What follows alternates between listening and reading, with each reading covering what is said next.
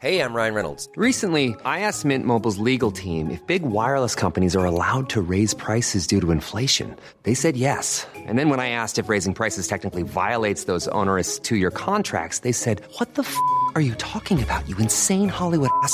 F- So to recap, we're cutting the price of Mint Unlimited from $30 a month to just $15 a month. Give it a try at mintmobile.com slash switch. $45 upfront for three months plus taxes and fees. Promo rate for new customers for limited time. Unlimited more than 40 gigabytes per month. Slows. Full terms at mintmobile.com. Want flexibility? Take yoga. Want flexibility with your health insurance? Check out United Healthcare Insurance Plans. Underwritten by Golden Rule Insurance Company, they offer flexible, budget friendly medical, dental, and vision coverage that may be right for you. More at uh1.com. Even when we're on a budget, we still deserve nice things. Quince is a place to scoop up stunning high-end goods for 50 to 80% less than similar brands. They have buttery soft cashmere sweaters starting at $50, luxurious Italian leather bags, and so much more. Plus, Quince only works with factories that use safe, ethical, and responsible manufacturing. Get the high-end goods you'll love without the high price tag with Quince. Go to quince.com slash style for free shipping and 365-day returns. Palmemordet, Sonny Björk del 3, Lyssnarfrågor. Sveriges statsminister Olof Palme är död. 90 000. Ja, det är mord på Sveavägen. Hörde de säger att det är Palme som är skjuten. Mordvapnet med säkerhet är en Smith Wesson, en revolver kaliber .357. Inte ett svar. Finns inte ett svar. För jag har Polisen söker en man i 35 till 40-årsåldern med mörkt hår och lång mörk rock. Välkommen till podden Palmemordet som idag görs av mig, Tobias Henriksson på PRS Media. Innan vi startar idag ska jag förklara lite hur vi tänker kring Patreon och de spår som vi kommer att ta upp i podden. Som ni vet så nämner vi ofta Patreon och det har ju ett tydligt syfte. För vi vill kunna ge er så bra och genomarbetade spåravsnitt som möjligt. Och för att göra det så måste vi sitta en hel del med research. Och tiden som researchen tar, det är tid som vi inte kan göra vanliga avsnitt på. Utan då måste vi förlita oss på att den andra programledaren har tillräckligt med uppslag och tid. Det är därför vi har satt upp olika mål på Patreon, där olika summor så att säga låser upp olika spår. För vår del handlar det om att vi ska ha tid och ekonomi att grotta ner oss ordentligt i de olika ämnena för att ge er den bästa möjliga informationen i avsnitten. Och det här är anledningen till att Patreon är så viktigt för oss. Så om du vill stötta oss, gå in på patreon.com palmemordet och donera en summa som podden får per publicerat avsnitt. Det är alltså patreon.com palmemordet. Och om du hellre vill donera via Swish så hittar du numret i avsnittsbeskrivningen. Och du kan också hjälpa oss genom att dela med dig av podden till vänner och bekanta så att fler upptäcker oss och förhoppningsvis får upp ögonen än mer för det här stora mysteriet. Idag är det äntligen dags för Sonny Björk att komma tillbaka till podden och den här gången för att svara på era lyssnarfrågor. Avsnitten med Sonny har fått väldigt positiv kritik och det har också märkts på antalet frågor till honom att han engagerar er lyssnare. Vi har valt ut ett stort antal frågor som eh, Sonny besvarar i två stycken avsnitt. Och de enda frågor som vi valt bort, det är de som är i stort sett identiska med andra. Så om du till exempel skickat in en fråga om rikoschetter men inte hör den i podden, så kommer du ändå att få ett svar för att flera andra har ställt samma fråga. Men nu över till avsnittet. Och första frågan är från Erik Lampa.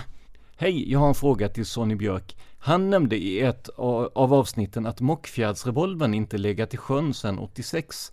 Jag förstod inte vad han menade. Var inte postrånet i Mockfjärd 83? Kan ni be honom utveckla vad han menade? Ja, han har ju alldeles rätt. Det var en felsägning av mig. Det, jag, det ska vara att det inte har legat i sjövatten sedan 1983. Eh, revolven undersöktes ju på Kungliga Tekniska Högskolan när den plockades upp. Och de kunde ju med ledning utav korrosionen eller rostangreppen på revolvern slå fast att den har inte legat i vatten sedan 1983. Nu kommer jag inte ihåg exakt vilket år den plockades upp, men, men de konstaterade att det har den inte, vilket innebär att någon kan ha plockat upp den eh, efter det att den kastades i, enligt uppgift av 1983, och eh, att den har använts under tiden och sen då kastats, återkastats i eh, en sjö efter det då som, eh, vilken, den sjön som sen blev utpekad och man hittade också revolvern där. Så att i, i, i korthet så den, den har varit uppe och vänt om man säger enligt din, din teori där? Ja, om man får tro på Kungliga Tekniska Högskolans kunskap om rost, rostangrepp på, på så, så definitivt. Va? Det, det, allting pekar ju på att den har varit uppe ett tag i vattnet där. Mm. Men alltså jag tänker, eh, jag vet inte om vi var inne på det i de två tidigare avsnitten, men blir, blir det inte logistiskt ganska krångligt om det är en revolver som en gång har dumpats som man sen så att säga ska eh, ha upp den ur vatten och sen i vatten. Alltså jag känner att logistiken kring det här känns lite konstig, gör den inte det? Alltså det finns ju en omständighet också och det är ju att eh, man, man fick ju tipset först och var där och tittade och hittade ju då eh, ja, ska vi säga, sånt som knyter an till vapen i en sjö där. Sen när man skulle åka och hämta revolven och, och eh, så, så hittar man ju inte den i den sjön. Och man återvänder då till vittnet och säger att vapnet ligger inte där. Jo, det gör det. Så han följde med upp och pekade ut sjön. Och det var så att säga inte samma sjö som den var dumpad i först. Så även det tyder på att den har varit upp och vänt. Leo skriver Hej och tack för ett mycket bra avsnitt med Sonny. Jag blev imponerad av Sonnys omsorg om det svenska språket. Det är in, inte bara omsorg om, eh, eh ja, när det gäller vapen och ammunition utan även om svenska språket. Eh, och så skriver han att han har två stycken frågor till, till dig då. Och fråga nummer ett. Det, det har sagts att vapnet har avsatt mycket få spår på kulorna, vilket då skulle kunna tyda på att vapnet inte har använts eh, så mycket. Och det skulle i sin tur indikera att det är ett ganska nytt vapen eller något vapen som har legat hos en vapenhandlare eller vapensamlare och blivit väl omhändertaget. Och så skriver Leo också att han menar inte att vapnet nödvändigtvis kommer från den vapensamlare då som har varit aktuell i spåret Stig Engström. Det finns ju fler alternativ. Han undrar om du håller med om det här? Eh, nej, det gör jag inte. Det är inte extremt, eh, eh, ska vi säga, rena bomspår. Alltså bomspåren är ju spår på kulorna, kulorna som kommer ifrån och har passerat genom pipan. Från räfflor och bommar. Och det finns reper och så i både räfflor och bommar. Eh, så att det, det, är inte extremt få spår på kulorna, det är det inte. Alltså att det är få spår har ju med att göra att kulorna är skadade också, så delar av, av framförallt eh, den kulan som eh, gick genom Olof Palme och slagit i väggen där eh, är ju skadad både i blydelen och i, i, i, i eh, manteldelen då. Så att eh, det, det, det är ingenting som tyder på att det är ett alldeles nytt vapen, det är det inte. Fråga nummer två gällde ju mockfjärdsvapnet där och det har vi redan gått igenom i föregående fråga. Eh, där Leo undrade om eh, utveckla lite kring mockfjärdsvapnet och det har vi ju gjort här. Så att jag tänker att vi går över till Jakob som frågar så här. Om jag har förstått Sonny Björk rätt så tror han att Olof, Olof-kulan hamnade där den hittas bakom pelaren genom att den studsade i väggen där det nu finns en hiss. Gjordes det några undersökningar av väggen som han stödjer sig på? Ja, alltså den rekonstruktionen gjorde jag 1988 med ledning av obduktionsresultatet. Man har ju hela tiden hävdat och påstått att skjutriktningen har varit från vänster till höger genom kroppen då. Och att blodbilden som fanns från blodpölen och snett uppåt eh, Sveavägen är den utgående kulans eh, skjutriktning då. Vilket obduktionen motsäger. Obduktionen menar på att eh, skott, skottkanalen genom kroppen är från höger till vänster ungefär 8-9 grader och uppifrån och neråt ungefär 8-9 grader.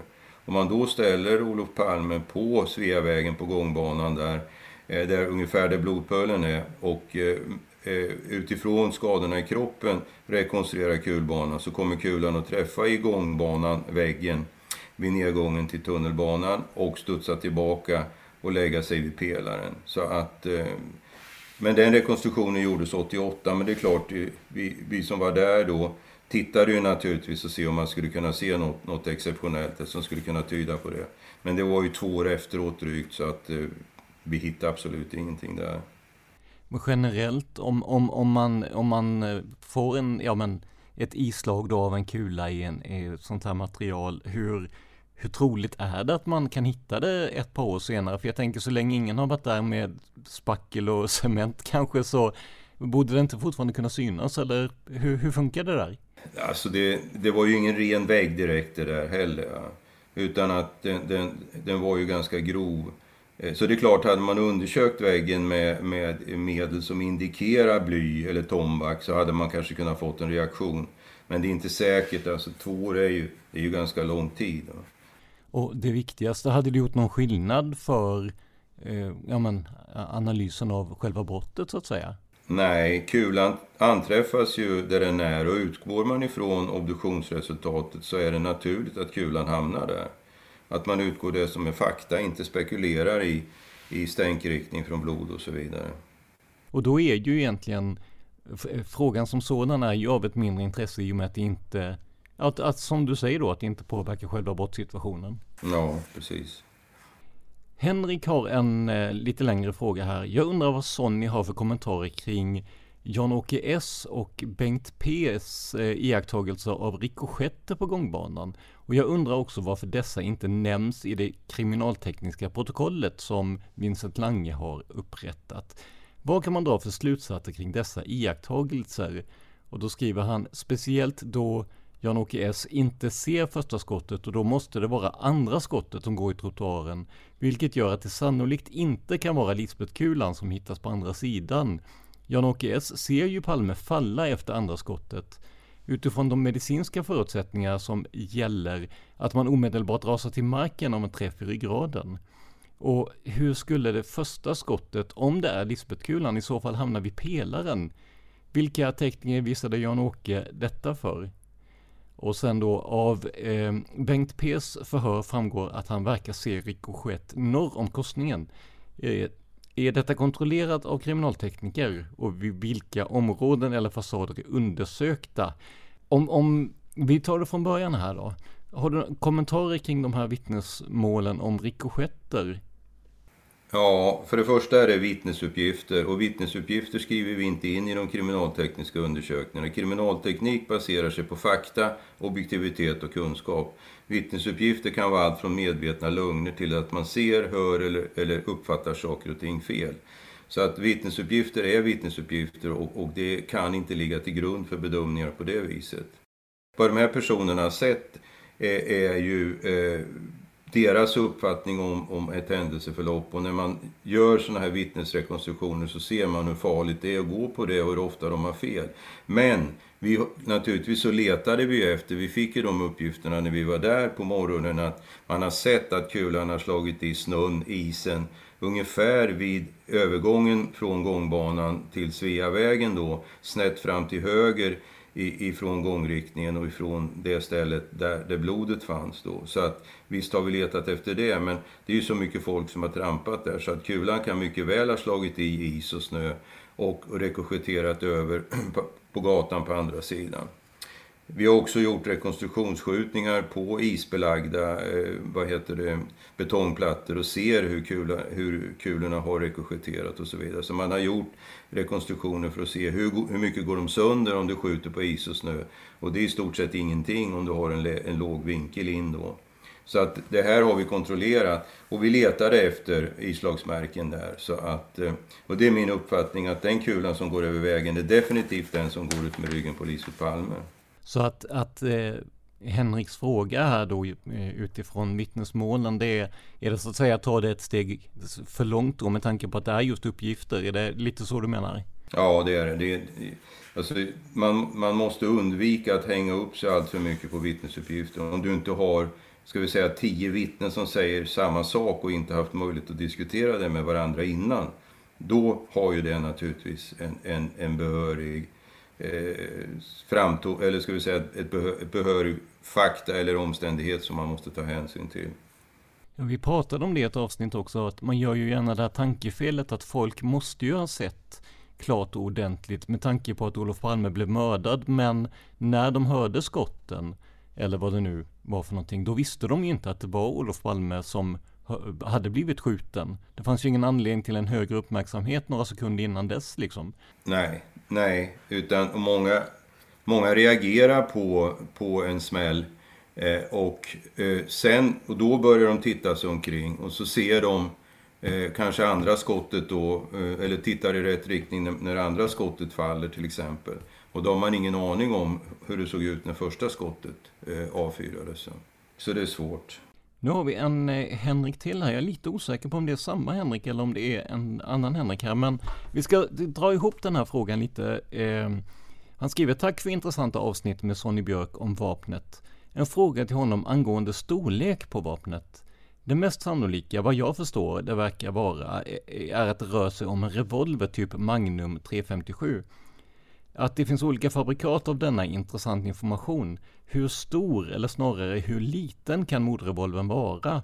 Är något av de olika fabrikaten en mindre revolver än de övriga? Jag förstår att det inte går att garantera, men en välinformerad gissning eller resonemang hade varit intressant. Och sen kommer då en, en utläggning att han tycker det är intressant, inte minst ur Stig Engströms perspektiv och eh, men där har vi så att säga själva frågan ju. Hur mycket kan det variera i storlek på vapen? Eh, det kan det ju göra om man tittar på, på eh, Smith Wessons 357 Magnum revolvrar så är ju de har ju olika stommar. K, L och N och allt vad de heter de här stommarna och eh, vissa av dem är mindre, vissa är större. Så att eh, eh men det man kan säga är ju att vad vi har utgått ifrån är att pipan inte är kortare än 4 tum, alltså 10 centimeter. För då händer det saker och ting med, med, bly, med blykulorna, med blyet i botten. Man får en, en kavitet, en utvidgning om man skjuter i kortare pipor. Så det kan vara från en pipa på 10 centimeter uppåt. Sen finns det ju, det fanns, finns ju fem olika fabrikat som har just den här eh, pipprofilen om jag kallar det så, eller den räfflingen fem höger. Och de varierar lite grann i storlek. Men, men eh, de är ju oerhört obehagliga att skjuta med om de är för lätta. Så att eh, sannolikt är ju att det här är en revolver, ska vi säga, utan standardstorlek för, för de här fabrikaten. Då har jag en, en följdfråga då för mig som aldrig skjutit med ett sånt vapen. Vad, vad är det som gör dem obehagliga att skjuta med om de är mindre? Är det att det blir en kraftigare rekyl eller vad är det som? Ja, alltså eh, när du avfyrar en kula så så eh, en del av kraften trycker ju kulan ut ur vapnet. Eh, du får en motsatt kraft i form av en rekyl bakåt. Och ju lättare vapen du har och ju kraftigare laddad och tyngre kula du skjuter, ju kraftigare blir rekylen. Och det här är en hårt laddad patron, vilket gör att det blir en ganska obehaglig rekyl i, i, i, i lätta 357 Magnum-revolvrar. De slår helt enkelt ja, man upp eller tillbaka mot kroppen Absolut. De, du får ett uppslag och du får en, ett tryck i handgreppet som är relativt rejält. Det är inte ohanterbart, men, men det känns verkligen alltså. This Mother's Day, celebrate the extraordinary women in your life with a heartfelt gift from Blue Nile. Whether it's for your mom, a mother figure, or yourself as a mom, find that perfect piece to express your love and appreciation. Explore Blue Nile's exquisite pearls and mesmerizing gemstones that she's sure to love. Enjoy fast shipping options like guaranteed free shipping and returns. Make this Mother's Day unforgettable with a piece from Blue Nile. Right now, get up to 50% off at BlueNile.com. That's BlueNile.com. How would you like to look five years younger? In a clinical study, people that had volume added with Juvederm Voluma XC in the cheeks perceived themselves as looking five years younger at six months after treatment. Look younger, feel like you. Add volume for lift and contour in the cheeks with Juvederm Voluma XC. Reverse signs of aging by adding volume to smooth laugh lines with Juvederm Volure XC. For important safety information and to find a licensed specialist, visit juvederm.com. That's J U V E D E R M.com. Not for people with severe allergic reactions, allergies to lidocaine, or the proteins used in Juvederm. Common side effects include injection site redness, swelling, pain, tenderness, firmness, lumps, bumps, bruising, discoloration, or itching. There's a risk of unintentional injection into a blood vessel, which can cause vision abnormalities, blindness, stroke, temporary scabs, or scarring. Talk to a licensed specialist to find out if it's right for you. Hey there, it's Michelle Norris. I'm host of a podcast called Your Mama's Kitchen. When I travel, I'm usually looking for a way to find a taste of home when I'm not at home. And one of the things I love to do when I am at home is entertain. And Airbnb allows me to do that. When I was in California recently, I rented a house that had a great kitchen. And when we were sitting around the table, we we're all thinking, we're in someone else's house. Someone could be in all of our homes as well. If you have a home, but you're not always at home, you have an Airbnb. Your home might be worth more than you think. Find out how much at airbnb.com slash host. Men jag tänker på Henriks eh, resonemang fortsättningsvis här då. Eh, vad man kan dra för slutsatser av vapnet. Finns det, gör det någon praktisk skillnad vilken av de här vapnena det skulle ha rört sig om då så länge det är en, en av samma modell så att säga då. Jag tänker så, hur mycket skiljer det från största till minsta modell? Vet du det på ett ungefär? Ja, ja, det gör det ju naturligtvis om man tittar på eh, Smith Wessons stora stomme, N-stommen tror jag den heter, till exempel modellen Highway Patrolman, så är det ju ett stort och kraftigt vapen. Då. Och har du, lägger du då till en 6-tumspipa eller ännu större 8-tumspipa, då blir det rejäla pjäser. Den, den saken är ju säker. Men, men alltså vintertid när du går klädd i kavaj och rock och allting, då, då kan du ju ha i princip hur stor revolver som helst undangömd. Las, Lasermannen hade ju ett avsågat gevär han gick omkring med under sin, sin rock så att säga utan att någon såg det. Så att det, det är inga problem att dölja den här typen av vapen, speciellt inte vintertid. Så jag vet att vår, vad ska vi kalla honom, riksprofessor Leif GW Persson kallade vapnet stor som en mindre spädgris och då är han inte helt ute och cyklar där då, om andra ord. Nej, det, ja det vill jag nog hävda. En späd, spädgris kan ju vara ganska stor. Ja, men, du som, men, som eh, jägare också borde ju... Ja, ja. Jo, jo, alltså det är ju det är rejält kraft. De större modellerna är ju stora kraftiga vapen. Men du har ju mindre modeller, ända ner till 2,5 tums pipor. Och, och, och eh, till exempel modell 19 Combat som den heter med kort pipa. Det, det är inte speciellt stort vapen, det, det är det inte. Vi, vi går vidare till Leif eh, och eh, han undrar hur ställer du dig idag till möjligheten att skjuta Winchester Metal Piercing i en 38 special? Och vi var ju inne lite på det i eh, de två, om vi ska kalla det originalavsnitten här, men eh, en snabb sammanfattning kanske?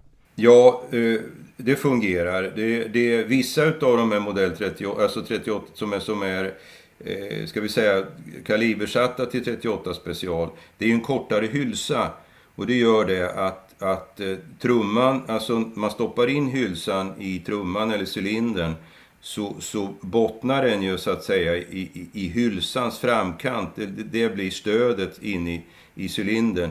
Eller också om det är en, en rak cylinder att, att eh, den hänger på flänsen bak. Det, det, kan variera lite grann. Men, men och det gör att man ska egentligen inte kunna, den här brottsningen i, i kamrarna gör att man ska inte kunna stoppa i en 357 Magnum-patron där hylsan är längre i en 38 special. Men jag vet att det går i vissa 38 special att göra det. Eh, du kan ju också byta cylindern eller trumman på de, de lite större kraftigare 38 special. Man kan brotcha upp patronläget i trumman så att du får ett längre patronläge. Problemet är att totallängden på patronen får inte överstiga trumman så att säga, för då, då kan den ju inte rotera om om spetsen på kulan sticker ut fram till och det gör de på de mindre 38 va? Men, men det går att modifiera och, och, och, det går att byta cylinder och vissa vet jag att det går att få i 357 Magnum i, i standardvapnen också. Så det är inte, inte omöjligt men mindre troligt, är det där vi hamnar eller? Nej men precis, det ska egentligen inte göra det men, men jag vet eh, jag kollade med en, en, person som, som har varit generalagent för Smith Wesson och så vidare så att jag har tittat lite på det där. Då går vi över till Per Berglund som eh, tackar för de mycket intressanta avsnitten med dig Sonny på podden. Jag har några frågor som jag gärna skulle vilja höra din kommentar på, skriver han. Och eh, det första rör ju rikoschetten och det, där känner jag väl att vi har, vi var ju inne på den frågan innan. Eh, det, det är inget, inget mer som behövs tilläggas där va? Nej, det är samma vittnen och, och det är samma omständigheter där. Va? Eh, men men eh, vi, vi kunde ju inte påvisa, vi kunde inte hitta något, något ska vi säga, islagsmärke eh, som vi skulle kunna säga att här har kulan slagit i. Utan det är ju vittnesuppgiften som säger att det ryker till i, i, i snön och isen där. Sen frågar per, per Berglund också om skottriktningen. Det var du inne på också i föregående fråga. Eh, om eh, ja, skottvinkeln och vad, var eh, kulan hamnar och så vidare. Eh, känner du att det är någonting mer där som du vill tillägga? Ja, det var, en, det var en grundtanke som fanns när vi var där nere att, att skulle de här blodstänken ifrån själva blod, blodet på gångbanan då som pekade snett uppåt höger kan vi säga mot Sveavägen. Är det blod som har följt med kulan ut när den har gått ut på fram, på, genom bröstet då på Olof Palme. Eh, men det, då ska inte, alltså blod, blodet ska ha, vara trattformat i så fall med, ska vi säga spetsen emot där, där ut, utgångshålet är ur kroppen. Så att det är en fet, fel utseende. Jag tror att det är frustat blod det här. Alltså blod som har som hostats eller frustats upp. Men det här blev en spekulation som fick karaktären av en sanning så att säga. Vilket gör att, att den som skrev utlåtandet eller kriminaltekniska protokollet tog det här som mer eller mindre en sanning. Vilket han inte borde ha gjort utan han borde utgått ifrån obduktionsresultatet istället och, och tagit det som fakta i sammanhanget. Eh, men, men, som sagt då, det, det, det är blodstänken där tror jag inte har någon betydelse överhuvudtaget när det gäller skjutriktningen. Eh, vi pratade om storleken på själva vapnet. Här frågar Per Berglund om piplängden på vapnet. Eh, Anders D säger ju att eh, eh vapnet ska haft en påtagligt lång pipa, typ Colt säger han. Och då säger Per att det här får ju tankarna till en Colt 45 Peacemaker, alltså vad han kallar en vilda västern revolver. Vad tror du om piplängden på vapnet? Om pipan ligger på hela 8 tum, vad betyder det i så fall för beräkningarna av skottavstånden? Ja, det har ingen större betydelse när det gäller eh, skjutavståndet. Ja, om det är jättestor skillnad, om vi jämför med en 2,5 tums pipa och en 8 tums pipa så blir det naturligtvis stor skillnad. Men om det är 8 tum eller 6 tum, 6 tum är den absolut vanligaste piplängden på 357 Magnum. Och det är inte bara Colt som har långa pipor. Alltså Smith Wesson har, har ju väl så långa pipor som, som Colt och, och andra vapentillverkare har. Så att eh, det, det är ju en liknelse. Han drar väl en liknelse med pipan på, på en Colt Peacemaker. Och den ligger väl, om jag kommer ihåg rätt, ungefär på 6 tum. Det är väldigt, väldigt trevliga vapen annars, de här ja. Colt Peacemaker. Ja, verkligen.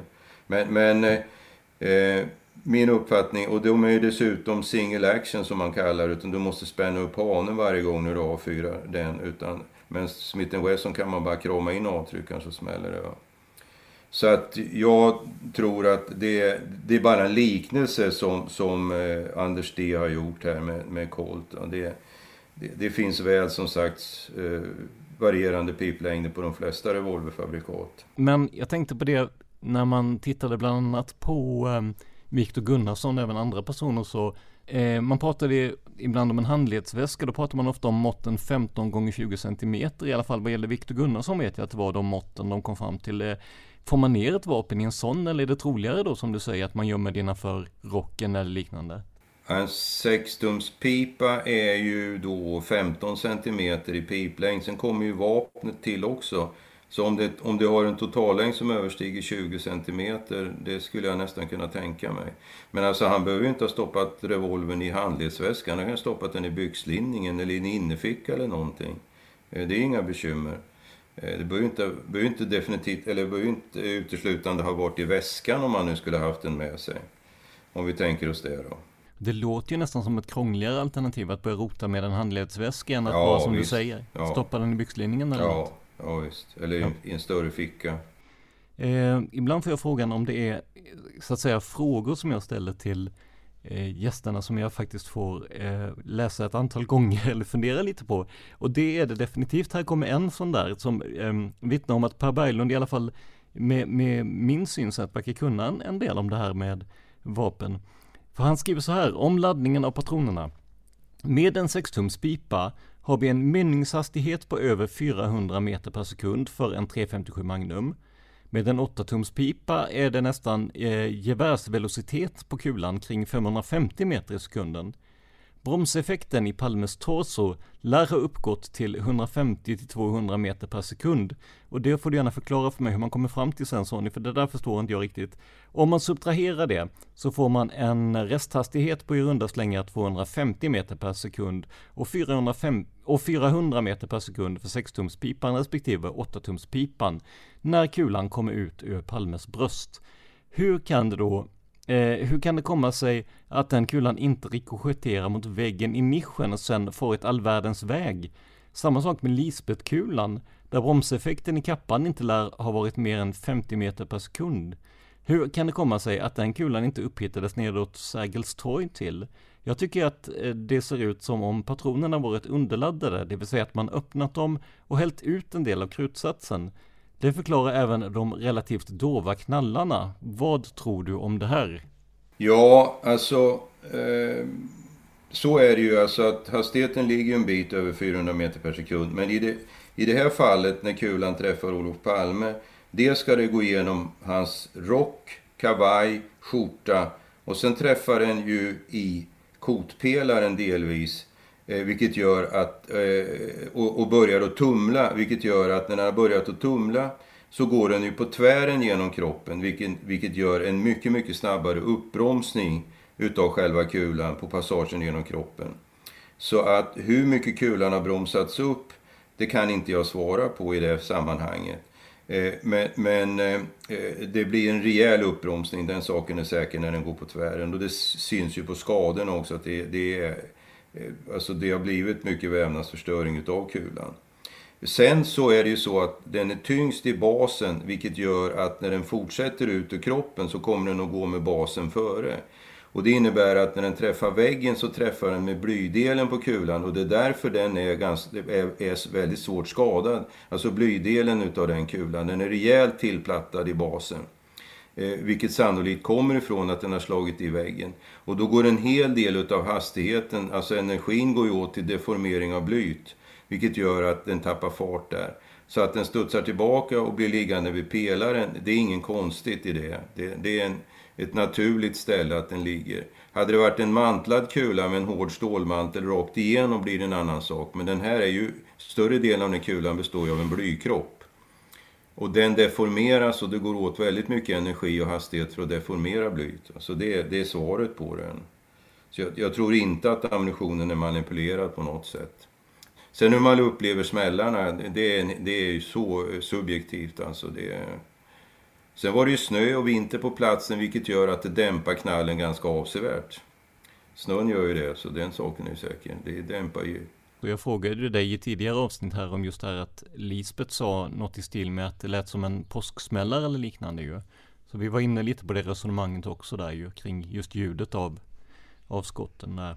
Nej men så är det. Så att det, det, kan, det kan, eh, det har sina förklaringar så att säga. Det är, det är inget konstigt i de omständigheterna eh, som, som uppkom på platsen där.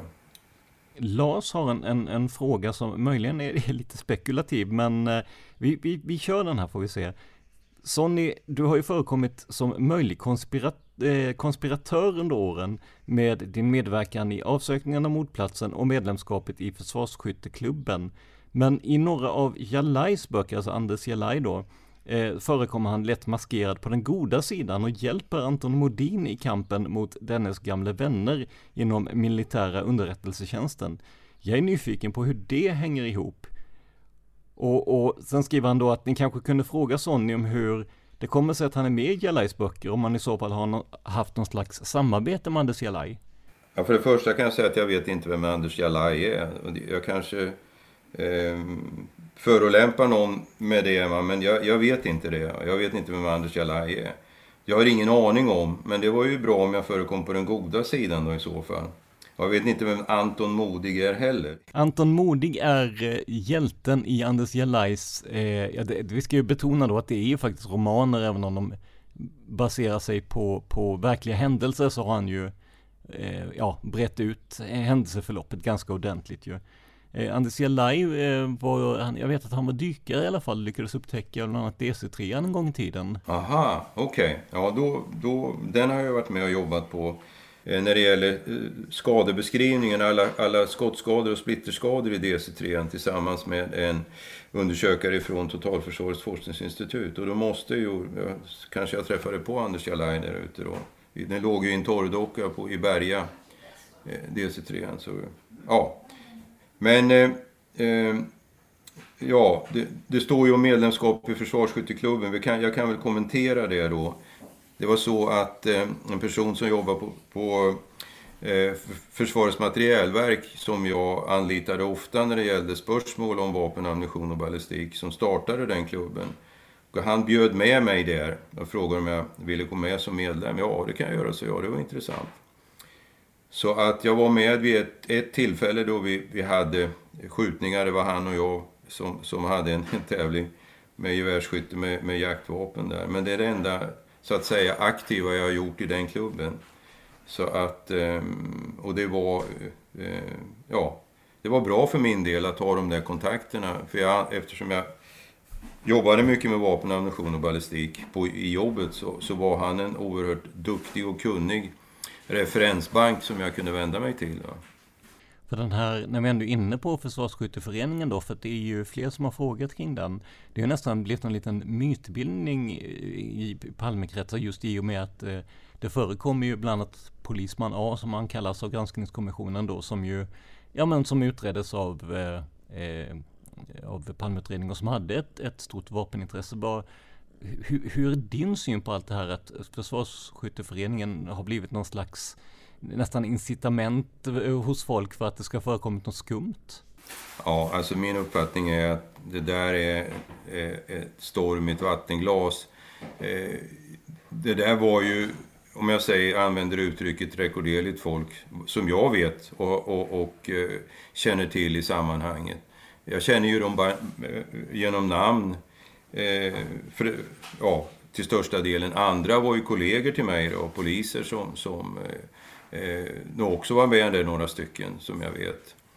Eh, men som sagt var, det, det, jag tycker att det där är någonting som man har skapat problem runt omkring som nog inte har någon verklighetsanknytning egentligen. För det här var alltså en, en, en, en som en, en vanlig skytteklubb, man gick dit, man tävlade, man, man eh, övade, eller hur, hur funkade det rent praktiskt?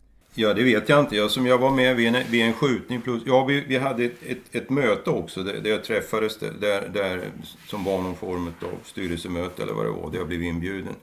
Så att, eh, men eh, det var ju så att Försvarets materielverk hade ju tillgång till skjutbanor och sånt och det är alltid intressant när man skjuter. Jag skjuter ju en del med jaktvapen och så, så att tillfället att kunna eh, utnyttja den typ, deras skjutbanor så där var, var ju väldigt positivt och bra.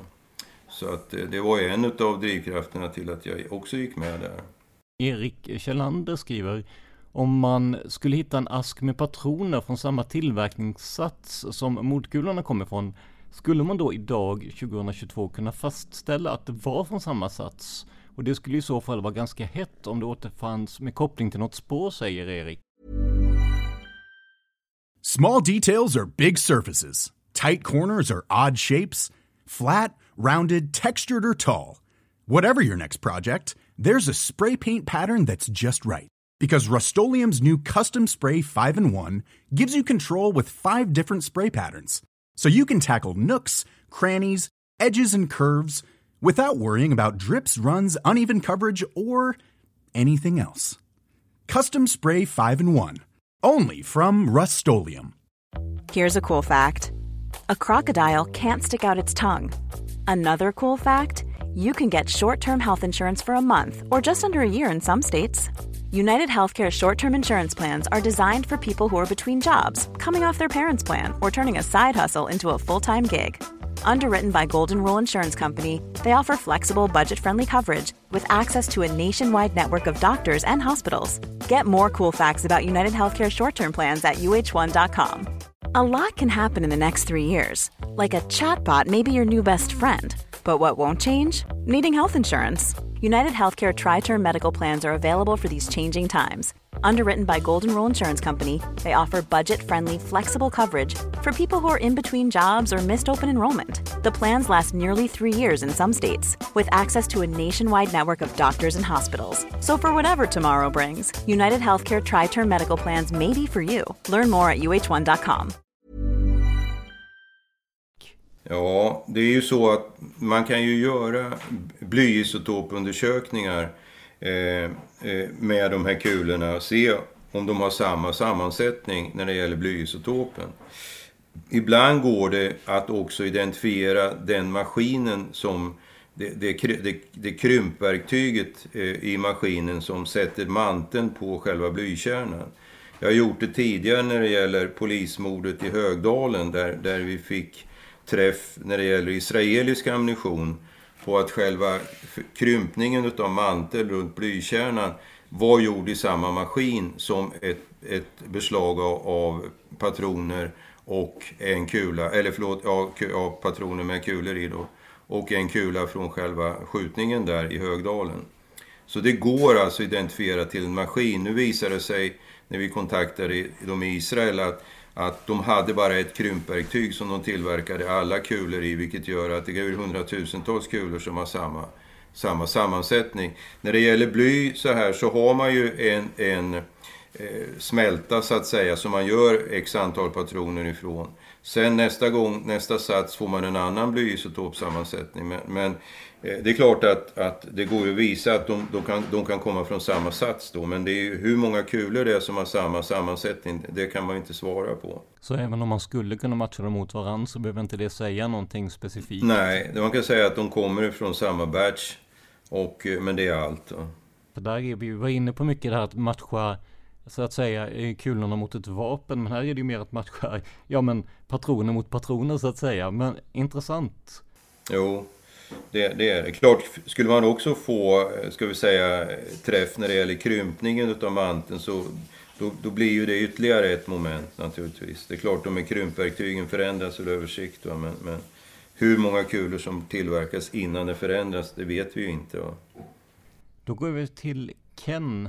Eh, Kens första fråga. Tror du fortfarande att det var Christer Pettersson som sköt? Och det, vi pratade om det i avsnittet. Är det någonting som eh, du vill tillägga där, för du, du, du var ändå lite het på honom, eller hur? Ja, men alltså om man tittar på alla spår och tips och allting som har dykt upp och undersökt så är ju Christer Pettersson den som, som är den starkaste kandidaten. Han dömdes ju dessutom i tingsrätten eh, på den, den indiciebevisning som fanns då. Och eh, det är ju ganska starkt. Nu blev han ju friad sen i hovrätten. Han blev utpekad av Lisbeth Palme och så vidare. Så att det finns ju väldigt mycket som talar mot honom, eller talar för att han skulle vara gärningsman och skytt. Eh, men jag kan inte säga... Eh, han är minst, om jag säger att han är min starkaste kandidat, vad jag, vad jag tror, det, det, det, det, spelar ju ingen roll. Men som jag ser det rent objektivt så är han den starkaste kandidaten. Men jag tänker, får vi inte samma problem med vittnen då som vi pratade om innan? Att Lisbeth är ju också ett vittne eh, på så sätt, även om hon också är målsägande, men i en, dessutom i en väldigt chockad situation. Går det att ta fel, tänker jag? Absolut, det är klart hon kan ta fel som alla andra. Sen blev ju rekonstruktionen och det, eller eh, kon, eh, konfrontationen av det, den blev ju, det blev ju totalt misslyckat tack vare att man inte fick henne att komma och titta live på Eh, konfrontationsgrupperna utan att eh, hon fick titta på en video och pekar ut honom där och, och, och försvarsadvokaten är inte närvarande. Christer Petterssons försvarsadvokat och så vidare. Så det var ju katastrofalt tycker jag. Om, om inte jag minns fel så hade väl också um Christer Petterssons försvarsadvokat tidigare sagt att det, det är inte någon jättebra uppställning men det är nog det bästa vi kan hitta. Jag kan hända att jag rör ihop det här nu med Viktor Gunnarsson men jag har för mig att det var med Christer Pettersson. För att det, det har ju anmärkts då på att eh, det är svårt att, att ja, men, jaga rätt på poliser och eh, brandmän eller vad det kan vara som ska se nedgångna och eh, ja, men, alkoholiserade ut. Nej men det, det fanns ju faktiskt ytterligare någon alkoholist i den där gruppen. Jag var ju själv med hela dagen där i, i konfrontationsgruppen. Jag tycker att det var en ganska bra grupp i sig då. Man får ju inte försöka leta reda på alla som är helt lika. Det måste ju finnas någon möjlighet att skilja ut någon. Så att jag tycker att, eh, jag har ju varit med och, och organiserat eller konfrontationer och varit med i fler, många konfrontationsgrupper. I och med att de, de hölls ju på tekniska roten, konfrontationerna, och, och, vi fanns ju där så vi deltog ju ofta. Jag tycker att, jag tycker att det var en bra eh, eh, konfrontationsgrupp alltså. Den här informationen som sägs att Lisbeth skulle ha fått om att den misstänkte var eh, ja, men, eh, alkoholist. Eh, utifrån vad du kunde se, vi har ju sett bilderna men vi har inte sett liksom, speciellt mycket av filmerna och vi har framförallt inte sett det live. Men med den informationen så borde det varit lättare att peka ut Christer Pettersson i alla fall, som ändå hade redan vid den tiden ett, ett härjat utseende får man väl säga. Jo, men det är frågan om hur snabbt hon kom till den slutsatsen. Så fort de får se bilden på honom, då har hon ju inte tid att analysera. Hon har inte tid att titta på alla andra. Jag vet ju inte. Är det så att hon direkt säger att hon säger att ja, det ser man vem som alkoholist, men det var han som sköt Olof. Och jag menar, kommer det snabbt och, och, och så, då, har ju den, då är det ju en spontan reaktion ifrån en minnesbild hon har. Men är det så att hon har suttit och granskat allihopa och sen kommer fram till att ja, eftersom han ser ut som en alkoholist och härjad så är det han som är, skyldig. Va? Det, det vet man ju inte. I och med att det finns ju inte dokumenterat, alltså inspelat med ljud det hon säger. Nu är vi nästan inne på vittnespsykologi här, det är ju väldigt intressant i sig men eh, ja, ja, men intressanta tankar där. Eh, Ken frågar också, tror du att det hade varit lättare att lösa mordet om även Lisbeth bragts om livet? Nej, nej det tror jag inte. Nej. Det hade, det hade, det haft, det hade haft stor betydelse för, framförallt för familj och barn naturligtvis, men, men även för, för övriga i landet. Men jag tror inte att det, att det hade ändrat inriktningen på, på eh, själva förundersökningen, att den hade blivit annorlunda. Eh, och jag har, jag har inte heller hört några spekulationer om om eh, eh, det skulle ha förändrat synen på det här och ett eventuellt motiv. Och jag, jag sa ju tidigare att jag är inte säker på att den som skjuter är, är, är medveten om att han skjuter andra skottet mot Lisbeth Palme. Det är inte jag övertygad om. Han kan tro att han skjuter andra skottet mot Olof där också.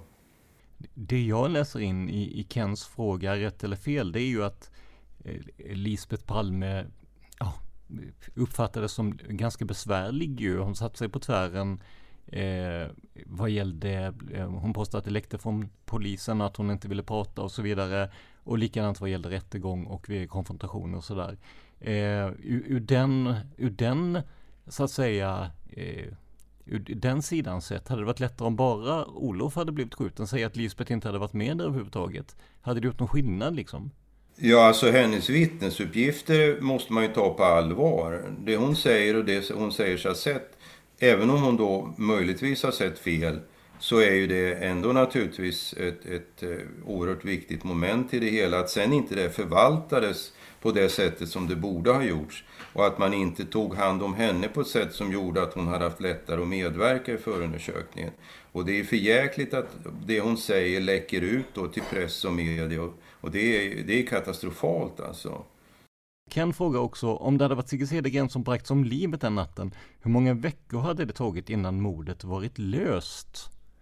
Jag antar att han, han med det menar att en, alltså, ja, mord på en, i det här fallet knarklangare då kanske finns fler naturliga kopplingar kanske att leta bland? Ja, det är ju inte säkert man hade löst ändå, men alltså vad som hade hänt då är att de ordinarie grova brottsutredarna hade trätt in och kört den här utredningen naturligtvis eh, enligt mordbibeln som man borde ha gjort då. Och med erfarna, de erfarna utredarna på våldsroten i Stockholm hade ju naturligtvis tacklat den här förundersökningen på ett annat sätt. Så att jag tror att, att eh, ska jag säga, chanserna att, ut, att utredningen hade, att man hade lyckats komma fram till, till en gärningsman hade nog varit större på sitt sätt.